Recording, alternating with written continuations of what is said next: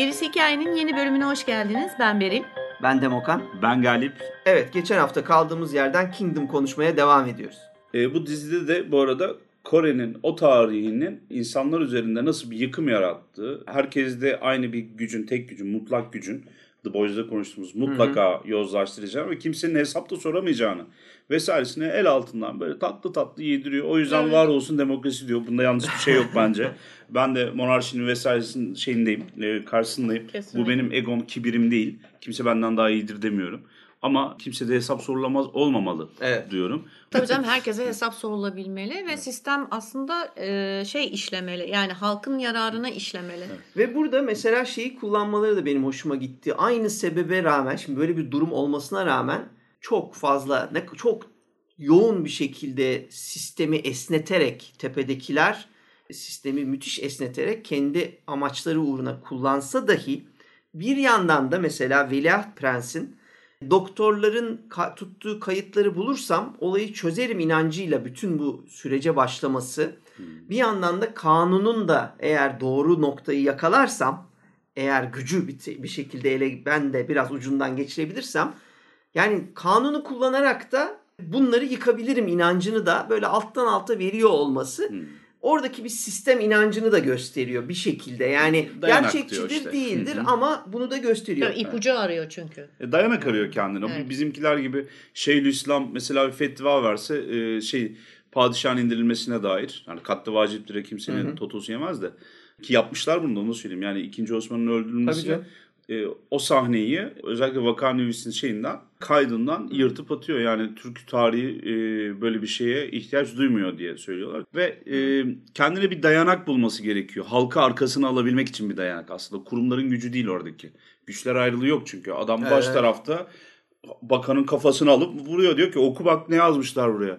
Ulan gerizekalı sen bakansan ben de bakarım. Sen tamam üst bakansın ama böyle fiziksel gücü nereden buluyorsun? Nereden buluyor olabilir? Askeri var bilmem nesi var her tarafa adam yerleştirmiş. Zorbalığıyla buluyor bir de. Evet. Orada bir nokta e, ekleyeceğim. E, bir de kültürle alakalı bir şey var. E, şöyle bir şey. Geçen şeyde de bahsetmiştik zannedersem. Hangi bölümde olduğuna e, emin değilim ama Söyle bak ben. e, kültürlerinde assa ve üst yani as ve üst Evet, ayrımı çok fazla. I Aynı saw zamanda the devil. Ha, I Saw the Devil'da evet bunu konuşmuştuk. Hı. Ee, bunun çok etkisi var. Mesela Veliaht Prens'in kraliçeye karşı çıkamamasının sebeplerinden bir tanesi bu filial piety dedikleri şey. Ebeveyne karşı saygı bunu bozamaz. Bu en büyük tabu olarak kabul ediliyor. Hı hı. Ne kadar sen- senin yaşında olsa hatta belki de Daha şeyden genç, küçük tabii. daha yani Veliaht Prens'ten küçük ama anne pozisyonunda olduğu için Zaten ülkenin annesi de Ülkenin deniyor. Öyle bir annesi titri aynen, var. Evet, Tabii ülkenin canım, annesi Corset. olduğu için bir de babasının eşi gene anne demek zorunda zaten. Böyle de bir şey var. Yani Tamam, o protokol. o- Evet. protokolü Ama orada kemikleşmiş tabii. orada o kadar kemikleşmiş ki şey diyor. Yani benim bunu yapmam bir ihanettir diyor. Yani ona karşı çıkmam veya onu yok saymam. Kadın da bunu hatırlatmak gereği duyuyor ama mesela. Diyor ki saygıyı öğrenememişsin sen hala. Çünkü o da bunu da esnetiyor. aslında hala orada kadar saygı- kışkırtıyor da. Kışkırtıyor, Yani evet, bunu tabii. yap ki hani benim ben Ya zaten orada şey var işte bakın bu da yine yetişkin işi dediğim doğru insan ilişkileri bunlar. Ben e, hayran kaldım Kim ablaya yazara. Yani orada oğlan eğer bir tek kuralı bile çiğner ise onlara daha çok benzeyecek. Çünkü onlar sürekli çiğniyorlar. Hmm. Bizim oğlan da şeyini korumak için karakterini ve dış görünüşünü yani dışarıdan bakışın değişmemesi ben ahlaklıyım ben bütün kurallara uyarım ayağını bir şekilde sürdürmek zorunda. Eğer bir hata yaparsan Boys'da konuştuğumuz gibi sonra seni içeri çekerler. Evet. Onu göstermemek gerekiyor. O yüzden görünen o kurallara sürekli uyuyor ama alttan alta isyan da çıkarmıyor mu? Çıkarıyor. söyleyecektim. Tabii tabii. Tabii yani bunun ama işte gerçek insan ilişkisi budur arkadaşlar. Ya Onu asıl- dediğim Evet. bu, yetişkin dediğim bu. Siyaset bu. Yani Tabii. bizimkiler şimdi siyah beyazı sadece çektikleri için kötüler çok kötü. Tabii Peki canım, ondan iyiler çok sebebi yok. iyi. Yani e, neden olduğu belli değil. İnsanlar hayatlarının bir döneminde iyi kötü olabilir mi? Kimse kusura bakmasın. Gidip Kösem İhal'in hayatını okusunlar. Ondan daha akıncısı, daha Osmanlısı yok. Yani ve e, Orhan Gazi'nin neredeyse şeyin e, ne diyeyim manevi amcası, babası falan kafasında bir akıncı olarak. E, Yani bir ve bunlar da ilk başta kılıç kılıca geliyorlar e, mevzunun başlarında. Şimdi siz eğer bu şeyi insan ilişkisini, insan doğasını hikayenizin içine katmazsanız insan ruhu demek oluyor. Bu insan psikolojisi demek oluyor. İnsanların birbirleri arasındaki ilişkisi, toplumla ilişkisi birazcık da sosyoloji bunu- demek oluyor. Tabii ama Bunları çocuklar koymaz- görmez ya o yüzden yetişkin dememiz gerekiyor Evet. bunlara. Yetişkindir. Bunları çocuklar görmez ancak. Ondan sonra ne oluyor biliyor musun? Bunun kitaplarını yazıyorsun mesela. İşin içerisinde böyle korku olduğunda bilmem ne olduğunda millet diyor ki mesela ya da fantastik olduğu zaman diyor ki bunu sadece çocuklar okur. Alakası yok. Tam tersi. 20 yıldır korku yazıyoruz mesela. Fantastik yazıyoruz, bilim kurgu yazıyoruz. Biz zaten hep hep yetişkin işiyle uğraştığımız için bunu da reddediyorum ben. Çünkü e, anlatılması gereken bu katman katman derinliği olan bir şey olması gerekiyor. Bir kere yani insan insan faktörü varsa muhakkak bir trajedi faktörü de vardır. Senin hep söylediğin gibi. Tabii, yani tabii, trajediler olur. aslında hikayeyi değerli kılan şeyler. Yani çok yüzeyselse sen e, işte oldu arkadaş hani oldu da bitti yapamazsın. O şeyi vereceksin. Aslında bütün anlatmak istediğin o trajedi. E var senin. burada da işte her şey onun üzerine kurulu. Bunun çok iyi bir tane örneği bir, hemen konusu gelmişken söyleyeyim. Tam da bu durumun mesela çok iyi bir örneği de şeydir. Bu vezirin oğlu olan e, komutan ile Veliaht Prens arasında bir itişme var. En başta bir çatışma var sürekli. Şimdi sen ya işte bunların ik- ikisi birbirlerini doğal olarak biri başka kılan biri başka kılan o gücü istiyor o da gücü istiyor. O yüzden çatışıyorlar kadar basit çözebilirsin. Ama adam bunu yapmıyor. Çünkü hiçbir şey bu kadar basit değildir ve son yüzleşmelerinde kılıç dövüşüne girmeden önce diyor ki işte şu bakış yok mu diyor komutan tamam mı? Vezir, vezirin oğlu olan komutan Kibir diyor değil mi? bakıyor. Veliaht Prens'e diyor ki işte şu an bana baktığın gibi baktın hayatın boyunca. Sanki işte sen kral çocuğu olarak doğduğun için farklıydın. Ben herhangi birinin çocuğuydum. Pisliğe bakar gibi bakıyorsun. Ben o yüzden senden nefret ediyorum. Açıkça ve bu gerçekten arkadaşlar bu neredeyse bütün çatışmaların normal aramızdaki insanlar arasındaki ilişkilerin de çoğudur. Envy, kibir ve e, kıskançlığın kökenidir bu. Biri diğerinden daha üstün olduğuna inanır. Biri ya da ona öyle baktığına inanır. Neredeyse çoğu kavga çoğunlukla Ne, yan bundan baktın çıkar. kavgası. Aynen. yan baktın kavgası. Aynen böyle. İkinci sezonun sonundaki Budur kapışma. Aynen öyle. Pardon ikinci bölüm. Ve yani bu tarz gerçekleri anlattıkları zaman olay güzelleşiyor. Ya da işte karakterlerin her zaman e, konuştuğumuz geçmiş hikayeleri ortaya çıkıyor böylece. Tabii. İnsanlar nefes almaya başlıyor. Eğer sadece iyi savaşıyor diye işte bu olayları başlatan karakterimiz mesela çok iyi dövüşüyor, çok iyi dövüşüyor. E, ıvır kıvır herkes söylüyor. E, gözümüzle de görüyoruz çok iyi dövüştüğünü. E, kabul edelim çok iyi dövüşüyor bitti demiyorlar. İşte bu öyle dövüşen biri aslında bu bir de alt şeyden bu asker de olamaz savaşmış ama filan bence bu kaplan avcısı filan diye haydi arkasına başlıyorlar bir hikaye döşemeye. Kaplan da mı var falan burada diye. Şeyin içinde hik- hikayenin içinde hikaye başlıyor. Kendi Evet. çocukluğunun geçtiği dağılmış Köye gidiyor. köye gidiyor orada bir cüzdan vakası hissediyorsun. Evet, evet. Ya bir tane karakter bu yan karakter ve gerçekten yani üçüncü beşinci karakter ama biz adım adım bakıyoruz onun geçmişini Evet, görmeye unutuyorlar. başlıyoruz ve böylece hikaye güçleniyor.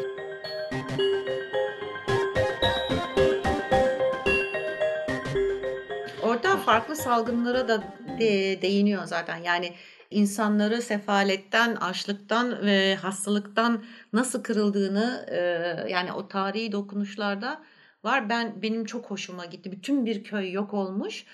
Ama çok enteresan bir şekilde mesela anlıyorsun ki hani asker şeyden nefret ediyor. Sevilen generalden nefret ediyor. Evet. Köyü yok etmiş çünkü. Ama Bizim asker. e, bizim, diyelim. ha, bizim asker. Bizim asker nefret ediyor ondan. Evet, evet. Ama sonra bir görüyorsun ki aslında Yongşin. o general Hmm. bütün köy için koca bir mezarlık yapmış ve her daim tütsüsünü taze yani o Tütsüyü tütsü yanıyor tutuyor. orada. Yani demek oluyor ki bu oraya ziyarette bulunuluyor ve onlar için dua okunuyor. Bak işte bu komplike karakter e, demek oluyor. Evet, Böyle evet. yaratılıyor bu. Ben en son olarak şey söyleyeyim. O eleştiriyi getirebilmek bile aslında e, birazcık bu şehzadeleri yani o veliaht prens diyoruz ya ama işte bayağı bir de şehzadeleri e, toplum yapısını bilmem neyi eleştirebilmek. Onlara değişik bir gözle bakabilmek olurdu. Çünkü bizde şehzade olduğu zaman ayılıp bayılıyor herkes. Şehzadenin iyisi de kötüsü de aynı şekilde sevimli, yakışıklı, kimse öyle kibirli bakmaz şeklinde anlatıla geliyor. Gel Türkiye'de anlat bu sahneyi hadi bakayım. Yani işte o, onları anlatacağınıza böyle anlatın. Bu dizideki gibi her şeyi anlatmakta fayda var. Yani kök bir hikaye alacaksanız bu hikaye alınabilir. Bu görsellik alınabilir. Mesela 5. bölümde yanılmıyorsam kraliçenin giyinip meclise konuşma daha doğrusu kendi konuşmayacak da gidip tahtın kenarına oturması için geçen süre baya böyle hani belki 5 dakika belki 7 dakika o giyinme ve o yani eğer Seremoni. böyle görünürsen böyle bir saygıyı sürdürebilirsin algısı ve yani ondan sonra da ağzını bile açmıyor yani çünkü kadın aslında ama Tabii, annem yok. diye ama orada bir şekil o bir sembol o. Perdenin arkasından Sonsuz bir sembol o. Yani o orada durursa bunlar konuşabilirler. O olmazsa bu iş olmazı sadece sahneyle adam anlatıyor. Kimse konuşmuyor. 7 dakika kimse konuşmuyor. Bir kadın yürüyor ama güzeller güzeli böyle bir kostüm, bir saç, bir çekimler var ki böyle ağzını açık seyrediyorsun. Orada önemli bir detay daha var. Bak sen şimdi söyleyince hatırladım. Şimdi mesela tahta giderken şeyi görüyorsun, tavanı görüyorsun. Hmm. Tavanda ejderhalar var. O Evet. kralı zaten simgeliyor. Ha, ejder Bir de- soyundan gelmek demek Evet oluyor evet zaten. ejderha ya ejder, ejderha zaten şeyi kral kralı temsil ediyor Tabii, tabii. direkt Kut. olarak. Arkada e, bir pano var. Dikkat ettiniz mi bilmiyorum. Panoda ay ve güneş var. Şimdi e, onlarda güneş kralı temsil ediyor. Ay ise kraliçeyi temsil ediyor. Hı. Güneş ve ay olarak yani bir çift olarak düşüneceksiniz bunu. Yani aynı şekilde yöneten. Hı hı. Evet Mihrimah işte Oğuz Aynen. Han'ın ilk e, gökten yıldırım şeklinde düşen karısının adının Ayhan olması. Aynen. Ay Hatun Ama olması. kadın nerede? Şimdi eğer yanlış hatırlamıyorsam güneş sağda, ay solda. E, kadın güneşin olduğu tarafta oturuyor. Hı hı. Yani bir de kralın platformda olduğu zaten. yerde oturuyor aslında olması gerek. Yani işte e, orada bir şey atıfta Sembol sembolize yapmış. Zaten bir platformda durdukları için onların sağda solda ne olduklarının önemi yok. Herkesten üstte duruyorlar zaten. O yükseltide duruyor. Yani E tabii ama orada ben hani bir, Tabii hani bir gün- güneşin tam olabilir. altında oturuyor olması sanki bana şey gibi geldi. Yani bir, bir sembolize e, gibi geldi. Bir de çok güzel yani yapılar falan da çok güzel. Manzara çok Evet, güzel. evet, o yani gölet, o kadar cesetlerin göleti diyeceğim ben ona. O ceset göleti müthiş bir yer. Müthiş bir Ortam. yer Ya Ama çok tabii- güzel sahne yazıyorlar. Yani ben buraya kaç kişiye attım biliyor musun falan dedi. Yani tabii yani biri bunu diyecekti belli ki. Lezzetli canım Ya, çok lezzetli. Bir de kahramanlık vesaire bayılırız işte hani her yerde şey. Kahramanlık sahnesi nasıl yaz- yazılır kıvamında ya da o duyguyu yani kahramanlık yapılmasına da gerek yok. Ama epik bir sahne, epik bir duygu nasıl yaratılır? Örneğin birazcık bahsettiğimiz bu işte sazlık sahnesi var bir tane. Orası çok eğlenceli, çok dediğim gibi işte epiye geliyoruz biz. Köylüler bir gemiyi yağmalamışlar. İçindeki işte açlar zaten yani hani e, rezil rüsva haldeler. Bir tane domuzu kesmiş bütün köy yiyor. E, Veliaht prensimiz geliyor. Siz bunu nereden aldınız? Çünkü onun derdi de bu zombi olan cesetlerin gündüzleri uyuyan cesetlerin nerede olduğunu bulmak. Köylüler onları da dışarıda kalmasın diye bu arada gömmüşler. Gömdüğümüz yere sizi götüreceğiz diyorlar. Ve aslında tuzağa çekiyorlar bizim Veliaht Prens ve yanındakileri. O çünkü suçları o domuzu yememeleri gerekiyordu. Biz öleceğimize sizi yok edelim. Fakat hesaplamadıkları, bilmedikleri şey e, gömdükleri zombilerin işte akşam tekrar oradan çıkacağı. Çıktığı zaman da avlayacakken av haline düşüyorlar. Müthiş bir çatışma başlıyor ve şey yüzünden e, zombiler tabii ki yine çok kalabalıklar ve tam bizimkiler yenilirken artık herkes köylüler zaten bir de ölenlerin dönüştüğü için sürekli e, nüfus da artıyor. Kahramanlarımız artık çok zor durumda öldüler ölecekler ve bir anda o bütün halk tarafından çok sevilen generalimiz adamlarıyla ortaya çıkıyor. Ateşli oklar işte çok iyi dövüşen ve zombileri kafasını kesip öldürmeleri gerektiğini çok iyi bilen bir grup asker bir anda herkesi kesiyor, biçiyor ve Veliaht Prens'le e, eski hocası alim işte general göz göze geliyorlar. Şimdi bu sahne bayağı hiç tanımadığınız bir kültürün hiç tanımadığınız o ana kadar ilişki kuramadığınız bir adamla karşılaşma sahnesi aslında. Ama nasıl doğru çekilir ve hep beraber tüylerin diken diken olarak izliyorsun. Çünkü yeterince zor bir pozisyona kahramanımızı sokup sonra bir kurtarıcıyı doğru anda getirdiğin zaman sonra da aralarındaki ilişkiyi gösterirsen zaten Evet. herkes tav olur. Bir hikaye Evet. içinde bakın böyle olaylar böyle anlatılır. Epik sahne o kadar da zor bir şey değildir ama bunu iyi yapmanız gerekir. Kesinlikle. O son sahnede mesela bunların karşılaşmasından evvelki sahnede yanında bir bomba patlamış gibi böyle hani kulakları çınlıyormuş gibi ağır ağır herkese ayrı ayrı kamera evet. geziyor mesela. Çok yaygın o. Tom Hanks sahnesidir o. Şeydeki. Spielberg. Ee, Evet evet Spielberg'in. Ondan sonra tam onun olduğu yerde şeyi görüyorsunuz ama benim aklıma da şu geldi. Ulan yani biraz önce su içinde 5 kişiyi kestin aynı kılıçla ve belli ki bunlar ölüyorlar. Tamam yorulmuş olmanı anlıyorum ama Niye şimdi tribe girdin? Adamlar iyice azaldıkları zaman şeyler, e, zombiler. Niye artık bize kurtuluş yok, bizi burada harcarlar falan ruhuna, duygusuna girdim falan diyordu. O anda bizim e, yas içindeki generalimiz, o, onu da galiba Tabii çocuğu cenaze diyor. kıyafet. Yok çocuğu değil annesinin yasını Annesi. tutuyor Ha, 3 okey. yıldır. Tamam. O, yani yaz kıyafetleriyle beraber geliyor. Yastıklarıyla değil. Yaslıklarıyla. Ondan sonra o paçavralar giyiniyorlar ya onlar. Bir geliyorlar şey yani öyle bir durumda neyle karşılaşırsın? Reinforcement geldi, destek. Dersin kafaya vur kafaya falan dersin ama bir bakıyorsun adamlar çat çat kesiyorlar zaten. Ha bunlar biliyormuş. Alanı gözümüze sokuyorlar. Şimdi ben orada şeyi durdum düşündüm. O epik sahnenin yanı sıra dedim ki yani önemli bir karakter işin içine girdi. Hani onunla tartışırlar, konuşurlar. Bunlar evvelden de tanışıyorlar. Hakikaten de tanıştıklarına dair bir sahne daha yazdılar oraya. Çocukken o bu onun lalasıymış, hocasıymış. İşte hani kurtarıyormuş onu. Kral babası e, çok korkunç bir figür olarak görünüyor buna. Şimdi aklıma da şey geldi. Dedim ki lan bunlar zombi kesmeyi vesaire nereden biliyorlar? Ve de niye özellikle gidip hakikaten kafasına şey yapıyorlar? Çünkü antikitede vesairede zombinin kafasına gitmek diye bir şey yok. Zaten kafaya gitmek ya da hani böyle kafayla uğraşmak meselesi sandığımız kadar önemli de değil. Çünkü neden? İlk bu beyin, sinir bilmem ne falan Daha hadiseleri formülize edilmeden evvel tıp e, her şeyin Kar- karında midede bittiğini zannediyor. Neden? Çok güzel bir kadın gördünüz mesela heyecanlandınız ya da birine aşık oldunuz onun yanınıza geldiğinizde kafanızda bir şeyler olmuyor da midenizde kelebekler uçuyor. Anlatabiliyor muyum? Orada sinir bo- şey, düğümü var çünkü. Yani solar, solar plexus'la alakalı bir şey var büyük ihtimalle. Ondan sonra kendinizi kötü hissettiğinizde karnınıza bir ağrı giriyor saplanıyor. Kalbiniz göğsünüz sıkışıyor. Diyorsunuz ki o zaman insanın bedeni ya da humanoid olan her şeyin bedeni canı bayağı bildiğim bu bölgede ortadaki kütle ağırlığının olduğu gövdede dönüp dolaşmak durumunda. Ağız dediğimiz şey ne? Ağız tamam nefes alıyor bilmem ne falan. Yiyen, ısıran, zarar veren kısım. Ki normalde pençeler de öyledir. Şimdi bir hayalet hortlak hikayesine baktığımız zaman özellikle vampirlerde vesairelerde ilk yaptıkları ne? Kalbe kazık çakmak. Hiç kimse bir zombi hikayesinde olduğu gibi kafadan vurayım sinir sistemine şey yapayım. Dediğinde şey diye bakıyorlar. İyi sinir sistemi ne abi? Biz daha orayı görmedik Evet. falan diyorlar.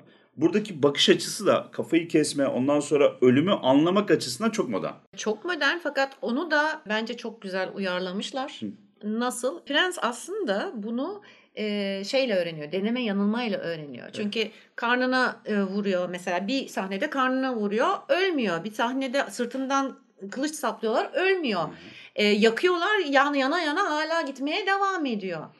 Tesadüfen bir tanesini e, boynunu İlk vurunca rakibinin hare- kellesini. Aynen. Hı. Hare- hareketsiz kaldığını ve bir daha kalkmadığını görünce e, o zaman diyor ki bunların kafasına vurduğun zaman bunlar ölüyor ve ondan sonra zaten en azından prensimiz ve çevresindekiler Öyle o şekilde öğreniyor. Evet.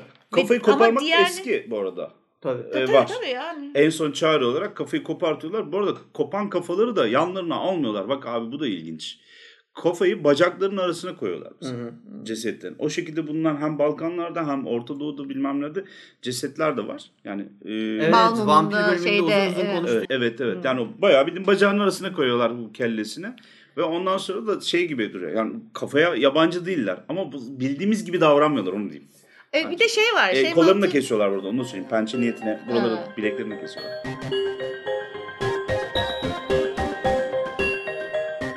Şey de var ama burada şimdi esas Demoka'nın söylediği şey çok güzel başta. Hani baş ileride sürekli o ağızla saldırdıkları için Hmm. aslında prensin de yaptığı refleksti. Çünkü kafasını uzatarak saldırdığı için o da kılıcı direkt şeye vurdu. Hmm. O tesadüfen yani o tesadüf aslında çok mantıklı bir şekilde geldi. Güzel gelişti diyorsun. Evet. Şimdi bir şu davayı da çok sevdim ben. Canlanan ölü hadisesini. Ölüler diriliyor bu kadar. Evet. Bütün hikayemiz bu aslında. en moko- lokomotif olan bizi geren şey de bu. Onu çok iyi yapmışlar. Neden derseniz gerçekten bir ölü diriliyormuş gibi davranıyorlar. O vücudun e, sakarlığını biz hep şey diye gördük. Vücudu tamamını kontrol edemiyor ölüler diye. Yani bütün o zombi hikayelerinde. Öyle bir şey yok. Vücut katılığı o. Ve gerçekten de hani birinin o ilk bir yerinden kalkma sahneleri falan var ya. Oradaki hareketleri yaparken ki şeyleri Ee, falan kabuki diyorsun ki- hissi bende bayağı Evet. Evet. Japon etkisi geldi orada. Evet. Yani o baya baya iyi bir ölüler üstüne geliyor sahnesiydi. Çünkü biz zombiden alıştık. Vampir zombiydi böyle hani gözün içine baka baka geliyorlar vıt vıt vıt böyle hani abartılı oyun oynuyorlar rol. Hatta bizimden O'Bannon'dan sonra bunlar bağırıyorlardı biliyorsunuz o Return of the Living Dead 2'den sonra beyin beyin falan diyorlardı. Evet. Ses teli yok boynu yok ama beyin diyor falan. Bunlardaki ses de çok güzel. Yani o ses efektlerini bence çok güzel yapmışlar. Evet, vahşi hayvan. Çok vahşi. Evet aynen. cilik cilik diye konuşuyorlardı değil mi? İşte Öbürkü senin söylediğin. Vahşi hayvan gibiler böyle hani o Evet, şeyde evet. ormanda falan karşılıklı vahşi. Neyse işte hani orada da ölüyü e, ölümü tanıma hadisesi var. Bu da gene antik. Şimdi modern bir yaklaşım da değil. O yüzden çok tatlı bir sentez. Bu ne demek? İşte hani birden çok içereni var. Ve ikisi de birbirine o kadar hakim ve de şey değil, üstün değil. Baya modern bir bakış açısıyla e, hayalet böyle yapılır demiş. Neden ben bunu söyleyip duruyorum? Aslına bakarsanız burada da yapılabilecek şey bu. E, bizim gibi geçmiş kültüründe inanılmaz böyle hani kıymetli, renkli sahneler bulunan kişilerin de Kore'den bence alabileceği dersler var. Orada bir ekleme yapayım mı? Bizde Bizimkiler bizde Kore'den bunu- hikayeyi tamamen alıyorlar burada. Tabii. Senaryoyu satın alıyorlar. Evet, evet. Kesinlikle. Mesela e, ben özellikle bunun üzerine bir hikaye yazmak istiyorum. Hatta Hmm. notunu da aldım. Girişini de yaptım ama burada söylemeden geçemeyeceğim. Mesela bu konsepte çok uygun olan bizim bizden bir şey var. Hep senden konuşuruz ya Galip. Hmm. Bu şifa olsun diye suçlu olur işte suçludur idam edilmiştir ama eti şifalı kabul eder. Herkes bir parça alır o Hmm. Tabii etinden. tabii. Bu bir vaka, bu yaşanmış bir şey. Evet aynen yaşanmış bir vaka ve şifa olsun diye yerler. Yani işte yok kötürümdür bilmem nedir işte bu suçludur ama işte eti suçlunun eti bilmem nesi günahlarının şeyi şifa olur vesaire diye parça parça cesedi koparıp e, yerler. Bahsettiğimiz koca bir köy vesaire yani Tabii. ya da kasaba artık her neyse. Bir insan topluluğundan bahsediyoruz. Hı. Yani mesela bu bizim motifimiz olarak Hı hı. çok güzel kullanılabilecek bir motif. Bu birebir var sahnelerde. Ben de bu sahne üzerine bir çalışmışlığım da var. Bu bilinen de bir şey. Bu e, tarihimizdeki askeri e, ihtilaller vesaireler e, olaylarında İstanbul ihtilallerinden bir tanesinde yaşanan bir şey var. Neydi? Hezarpare e, Ahmet Paşa. Ağaca asıp Ağaca. Bir de orada da çok ilginç var abi. Ağaca asmak ne demek? Asmak fiili aslında bir ceza ve kime genelde hırsız, nursuz öyle birilerine yapıyorlar. Sonra da parçalayıp kancalara atıyorlar ve şehrin her tarafında da o kapılar var ya bizim Edirne kapı, mi kapı, şeydeki? top kapı bilmem ne falan. Oralarda çengelleri asıyorlar. ibretlik ya da ibret Ağaca taşına veya koyuyorlar. tahtaya asmak aynı zamanda Türk motifi. Yani kurban anlamına e, da gelebilir. Bir kafaları ya da vücut parçalarını ağaca asmak da vakvak ağacı vardır bir tane. Adam ağacı. Konuşan ağaç. Bu Şeyhname'de vesaire de görmüştük ama bayağı biz de zaten Turani olduğumuz için biliyorsunuz. Orta Asya, ondan sonra İran, e, Arap ve Anadolu kırmasıyız biz Türkiye olarak. Ben o gözle bakıyorum hep. Orada da çok bir alt tarafı var. Bu Hezarpare'yi mesela oraya astıkları Hezarpare bin parça demek. Adamı gelip öldükten sonra gelmiş herkes birer parça bıçakla kesip etini almış. iki günde üç günde böyle hani bayağı bildiğin şeye İskelet kalıyor. iskelete çevirmişler. Ailesi güç bela gece birilerine para yedirip cesedi ağaçtan almış. Ondan sonra götürüp defnetmişler ama sahnenin e, şeyini düşünün 1600'lerin ortasında yaşanan Evet. bir hikaye o. Mesela boynundan asmıyorlar orada. Adam çok ağır. Boyundan asmak çok verimli bir asma yöntemi değil. Ağız, ağız, ayağından ters asıyorlar. Bayağı bildiğiniz o Tom, Bon Tomahawk'ta en son gördüğümüz Kurban Bayramlarından aşina olduğumuz Ay adamı parçalama sahneleri. Yani bizde, bizde malzeme var. Şimdi Evet. ama bak bunu hamasi ya da hani böyle laf olsun diye konuşmuyoruz. Bir ömrümüzü yedi bu iş. Gerçekten de malzeme var. Sahne sahne kare kare hepsi mevcut. Ve sadece şeyi bekliyor. Kıymetli bir şekilde anlatılmasını. Çünkü bu sahneyi alacak hıyarın bir tanesi. Çevirecek. Gözler kocaman olmuş böyle ucuz hamasi bir bakışta herkesin anlayacağı saçma sapan bir sahne olarak yazacak. Ne oldu? Sahnenin de işini bitirmiş olacak. Bir de tabii o kadarıyla kaldığı için de en büyük sorunu yaşayacak. Şimdi bu dizideki bence en güzel yanlardan bir tanesi de bizim bir sezonun başında konuştuğumuz typewriter'ın düştüğü tuzağa düşmemiş olması. O da elimde ya benim zaten çok acayip canavarlar, yaratıklar bir şeyler var. Bir tane de hikaye var. Ben bu düz hikayeyi düz olduğu kadarını anlatayım. Zaten geri kalan renkler bu işi götürür bakış açısıyla mesela Hmm, typewriter'da eksikliğini hissettiğimizi bahsettiğimiz şeylerden biri oydu. Oysa burada o hiç yok. Ellerinde zaten iki saattir neyse işte iki bölümdür neredeyse anlatmakta olduğumuz müthiş işte bir yan bir tarafta bir zombi salgın hikayesi var. Diğer tarafta taht oyunları var. Aynı anda yan karakterlerin arka hikayeleriyle zenginleşmekte. Ama demiyor ki bu ve de bu bu sırada bütün bu dizi 6 bölüm. Yani şaka gibi aslında. Tabii yani bütün 45 bunlar dakika mı ne bölüm? Tabii yani ya? 6 Tabii. saat bile değil buradaki süre. Fakat bunlar elimizde var ama ne oluyor? Bakın 5. 6. bölüme geldiğimizde bununla yetinmiyor. Başlıyor bu hikayenin içinde dur bak daha arkada neler var diyerek Evet. bizim bu generali sokuyor. Kraliçe ile ilgili bir başka e, Sır bir, öğreniyor. bir Sır, şey evet. gösteriyor. Derken generalle vezir arasındaki e, bilinmeyen ilişkiyi sokuyor. Daha ortaya çıkmamış olan ilişkiyi sokuyor. Bunların hepsi o sona doğru ortaya çıkmaya Tabii. başlıyor. Hı. Daha da önemlisi bir noktada sona doğru yine bizim küçük işte kahramanlar grubumuz ilerlerken içinizde bir hain var diye bir laf çıkıyor. Hadi buyurun. Ben onu Tamamen- çok Evet, buldum ya. evet. Tamamen tamam. Bakın şimdi bak abartı bulabilirsin ama Abartı bir bir kancaydı yere, yani. bir yere gitmez ise buluruz. Yani ikinci Evet. sezonda bu bir yere gitmezse evet abartı olur. Ama eğer ikinci sezonda bir yere gidecek ise o zaman yani bizi dur kardeşim bu kadar bu hikaye demiyor. Bu da var bu da var bu da var diyor. O sırada ne yapıyor mesela bütün bunlar olurken yine gerçekçi dediğim ilişkiler bağ kuruluyor. Adamın biri çok güçlendi mesela. Vezir artık ya kontrol edilemez bir şekilde güçlendi. Ve sadece veliaht gelip de elindeki gücü almasın yetmiyor mesela. Bir de oğlunu öldürtüp bir de intikam hikayesi de ekliyor mesela hikayeye. Tabii, tabii. Kendi Baba sadece ha bir de intikam hırsı ekliyor. Ama o kadar olunca da bu sefer adam çok güçleniyor. E ne başlıyor son bölümde mesela çok net ortaya çıkan bu sefer zay- zayıf kalan kızı kraliçe ile baba vezir arasında bize bir çatışma hissettirmeye başlıyor. Asla önümde durma. Sana o gücü verdiğim gibi elinden alırım diyalogları girmeye başlıyor. Yani Sadece Çok benim güçlü. dediğimi yap. Yani sen bir kuklasın demeye getiriyor ama kadın e, bakışlarından ve bir takım sırlarından dolayı anlaşılıyor. Evet, Yani çok- aslında o kukla olmaya hiç niyeti yok yani. evet E, çok tabii, güçlü onda bir güç var. hikaye anlatılıyor. Yani ben onu e, Evet.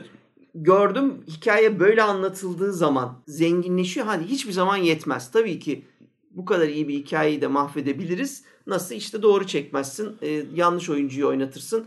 İşte buradaki gibi dekora kostüme yüklenmezsin. Arkadan uçak geçer bir şey olur. Bütün büyü bozulur. Evet. Burada onların hiçbiri yok. Bir avantajı var. İşte diğerlerine nazaran belki bir değil birkaç tane avantajı var bu dizinin. Şöyle ki bu zaten bir web komikten adaptasyon olduğu için Hmm. zaten ikinci bölümün de hikayesi hazır. Ee, ve sonuç olarak biliyoruz ki aynı e, şeyler oynayacak, aktörler oynayacak ve e, ben baktım bir iki tane gerçekten çok iyi oyuncu katılacak ikinci sezonda. Hı hı. Ve bütçeden kaçınmıyorlar. Senarist aynı senarist. Hiç, Evet. Yani değişen bir kadro yok. Öyle bir avantaj var. Kadroda değişiklik yok. Bütçede değişiklik yok. Bir de zaten e, parlayan yıldız olduğu için öyle şeylerden hiç kaçınmıyorlar. Hı hı. Bir de en önemlisi zaten hikaye hazır. Yani mahvetmesi için ikinci sezonda çok büyük Yok bir ben şey zaten ha, mahvetme yani. kelimesini bu dizi için e, Yok. kullanmadım. Yani genel İyi olarak o- hikayeyi- olan şey ya hep Ha. böyle ikinci sezonda bir boka sarıyor. Yok bu, bu bu öyle düşünülmemiş. Belli işte bu kadar Hı, çok evet. e, geliştirmenin bir şeyi var ama ben onu genel olarak yani elinizde böyle bir hikaye bile olsa baştan itibaren bunu iyi çekmezseniz yine beceremezsiniz. Doğru. Onu demek istedim.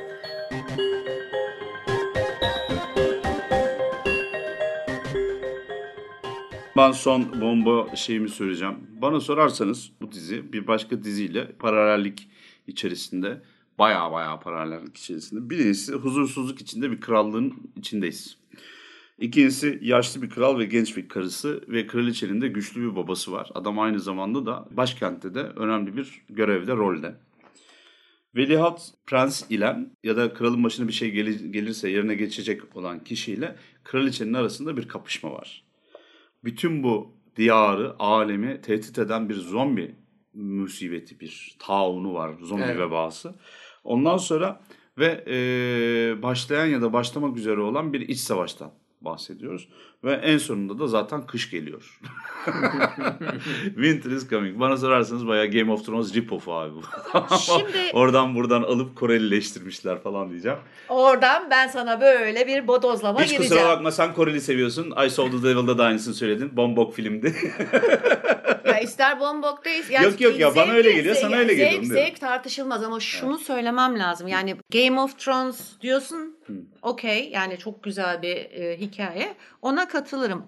Ama katılmadığım bir şey var. Bunun e, Game of Thrones'tan afırma olduğunu söyleyemezsin. Neden söyleyemezsin? Çünkü Zaten salgın hikayesini söyledik yani bu e, yüzyıllardır, bin yıllardır insanoğlunu yani açlıkta, salgında zaten tarihe geçmiş şeyler. İkincisi güç savaşları. Bunları bütün krallıklarda bak. Yani bu Çin'de de var, Kore'de de var, Japon'da da var, işte Avrupa'da da var, ne bileyim e, İzlanda'da var vesaire, Vikinglerde var vesaire vesaire. Yani bu çok evrensel bir hikaye. Okey. Yani bunu oradan afırmış diyemezsin. Son 20 yıldır sadece bu diziyle benzer olan, e, benzerlikler kuran başka fantastik ya da e, kostümlü drama olan bir tane dizi var. Şimdi bu yeni bir şey değil ama değil, ama değil. kimsenin de aklına gelmiyor. Değil, 5 ya da değil, 6 tane temel Game örnek söyledim. Hayır ben ben e, gerekirse onların şeylerini de linklerini de veririm. Evet. Açlık vesaire olarak koyarsan onu veya salgın hastalık olarak koyarsan Game of Thrones'dan da önce şey diziler var. Tamam okey ben olmadığını düşünüyorum. Karşıma çıkmadı. Çünkü Ya ben bak gerçekten seyrettiğim için 5 söylüyorum tane o 5 tane falan birebir uyuşan nokta vardı o yüzden dedim. Şimdi burada e, güzel bir tartışma bu. İkiniz de haklısınız. E, çünkü Nasrettin Hoca geldi. tabii ama burada çok net bir şey var. İkiniz de haklısınız. Çünkü sen olayı çok net bir şekilde yakın dönemdeki dizilerle hemen bağını Tabii, kurarak tabii. haklısın. Çünkü Sen bu da de- yakın dönem dizisi. Tabii tabii. Hı. Sen de tarihsel anlamda ama benim buradaki haklı bulma sebebim o. Sadece o değil. Buradaki haklılık şu. Eğer biri birden aldı filan yerine gelirsen o zaman iş zaten diziden çıkıyor, kitaba geliyor ve George Martin'e geliyor. George Martin'in çok başarılı bir şekilde hem Çin'de yaşanmış tarihi taht çatışmalarını hem Bizans'ta yaşanmış tarihi taht Hem de çatışmalarını İngiltere'de. hem de bunun evet hem de bunun o temel bunun, o şeydekiler Çin'dekiler ve Bizans'takiler birebir olayları ortaya koyuyor. Genel havasının ise tümüyle İngiltere e, siyasetinin altyapısıyla kurgulanmış olmasını biz görmek zorundayız. Taht oyunları zaten bunun üzerine kurgulanan bir roman. O yüzden tabii ki birileri bir yerlerden bunları alıyor. Bu dizide de o var ama buradaki başarı bizim Beril'in de benim de özellikle böyle bir heyecanla bunu savunuyormuş gibi bir duruma düşme sebebimiz şu son saniyede şu ki bunların hepsini 6 bölümde başarmış olması. Ta- mucize gibi taht şey. oyunlarının anlattığı kaç roman var arkada, Hmm. kaç bin sayfa var orada. Dizi de işte 6 sezon, 7 sezon bir başka devasa bir süreç var.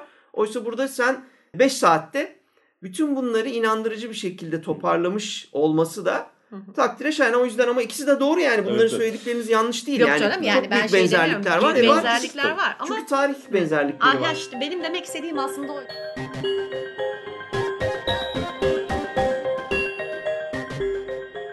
Biraz önce Demokan dedin ya bu hikayeyi ne bok edebilir diye.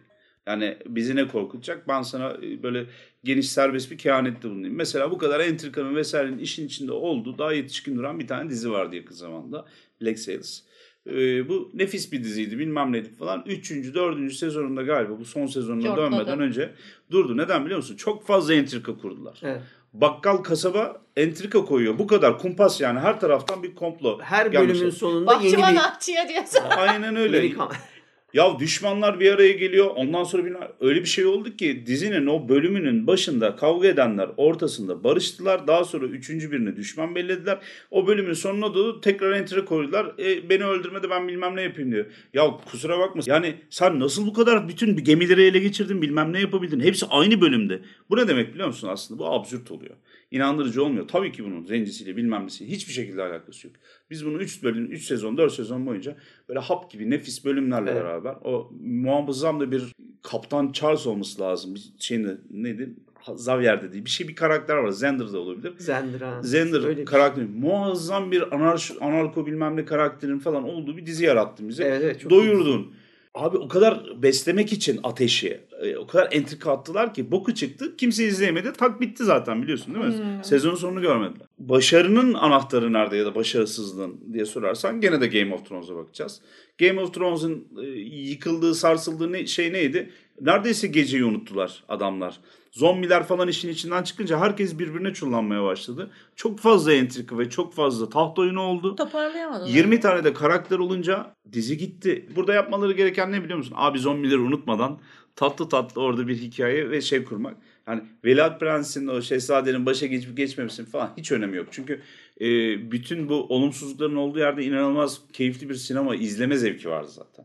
Bok etmemeleri gereken şey çok karıştırmasınlar. Çok komedi o Mo falan karakteri var ya bunun muhafızı, sidekick'i. Onunla çok bir şey atmasınlar. Bu dizi var 5 sezon daha gider. Çünkü duygusal altyapısı falan sağlam yani.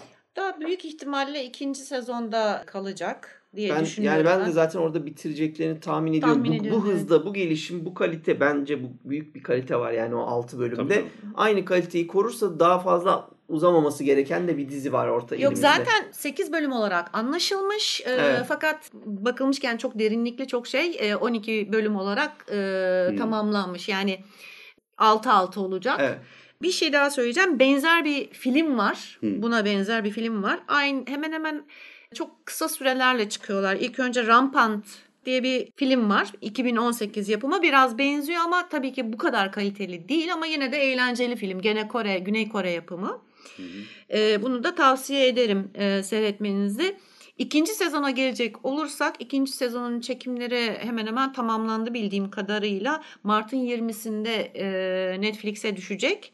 E, onun için tavsiyem e, zaten hani seyretmişsinizdir diye bu şeyi dinlerken, kaydı dinlerken. Seyretmiş kadar oldunuz. Evet seyretmiş İki kadar bölüm. oldunuz ama seyretmenizi de tavsiye ederim. E, çünkü e, büyük cliffhanger diye bahsetmiştik. Birinci sezonun finalinde muazzam bir e, sürprizi var. E, o yüzden ikinci sezonu müthiş başlayacaktır diye düşünüyorum. 2020'nin Mart'ında ikinci sezon geliyor ve müthiş bir girişle geliyor bana göre. O yüzden kendinizi hazırlayın. Ee, önden e, güzelce seyredin. Ee, hoşunuza gideceğini düşünüyorum ben. En azından ben çok sevdiğim için böyle düşünüyorum ama çok yakında, pek yakında. Ve tüm bu işte tarihi derinlik, kostümün, çekimlerin, dekorların, ilişkilerin e, başarısının yanında ve tüm ciddiyetinin de yanında benim e, hoşuma giden o insan ilişkilerini açıkça vermesinin yanı sıra bu altı bölümde e, o comic relief'i de güzel kullandıklarını ben gördüm. İhtiyaç olduğu kadar geldi bana şahsen. Hem o baş muhafızımız hem de e, komik vali karakteri işte Sabiha'ya aşık peşinden koşup da e, onu elde etmeye çalışan tipleme de böyle minik minik arada bir bizi hafif rahatlattı. O yüzden hiç şey böyle tuzu, biberi, kırmızı biberi, neyse baharatı, ıvırı kıvırı benim çok hoşuma giden bir şekilde katılmış. Eksiği aksağını göremediğim ve işte bu doluluğunu, dozajını iyi ayarlamış bir dizi olarak benim de önereceğim. Ee, çok keyifli bir iş Kingdom. Biz de bu hafta Kingdom'u konuştuk. Ee, bizi dinlediğiniz için çok teşekkür ederiz. Gelecek bölümlerde görüşmek üzere. Görüşmek üzere. Görüşürüz.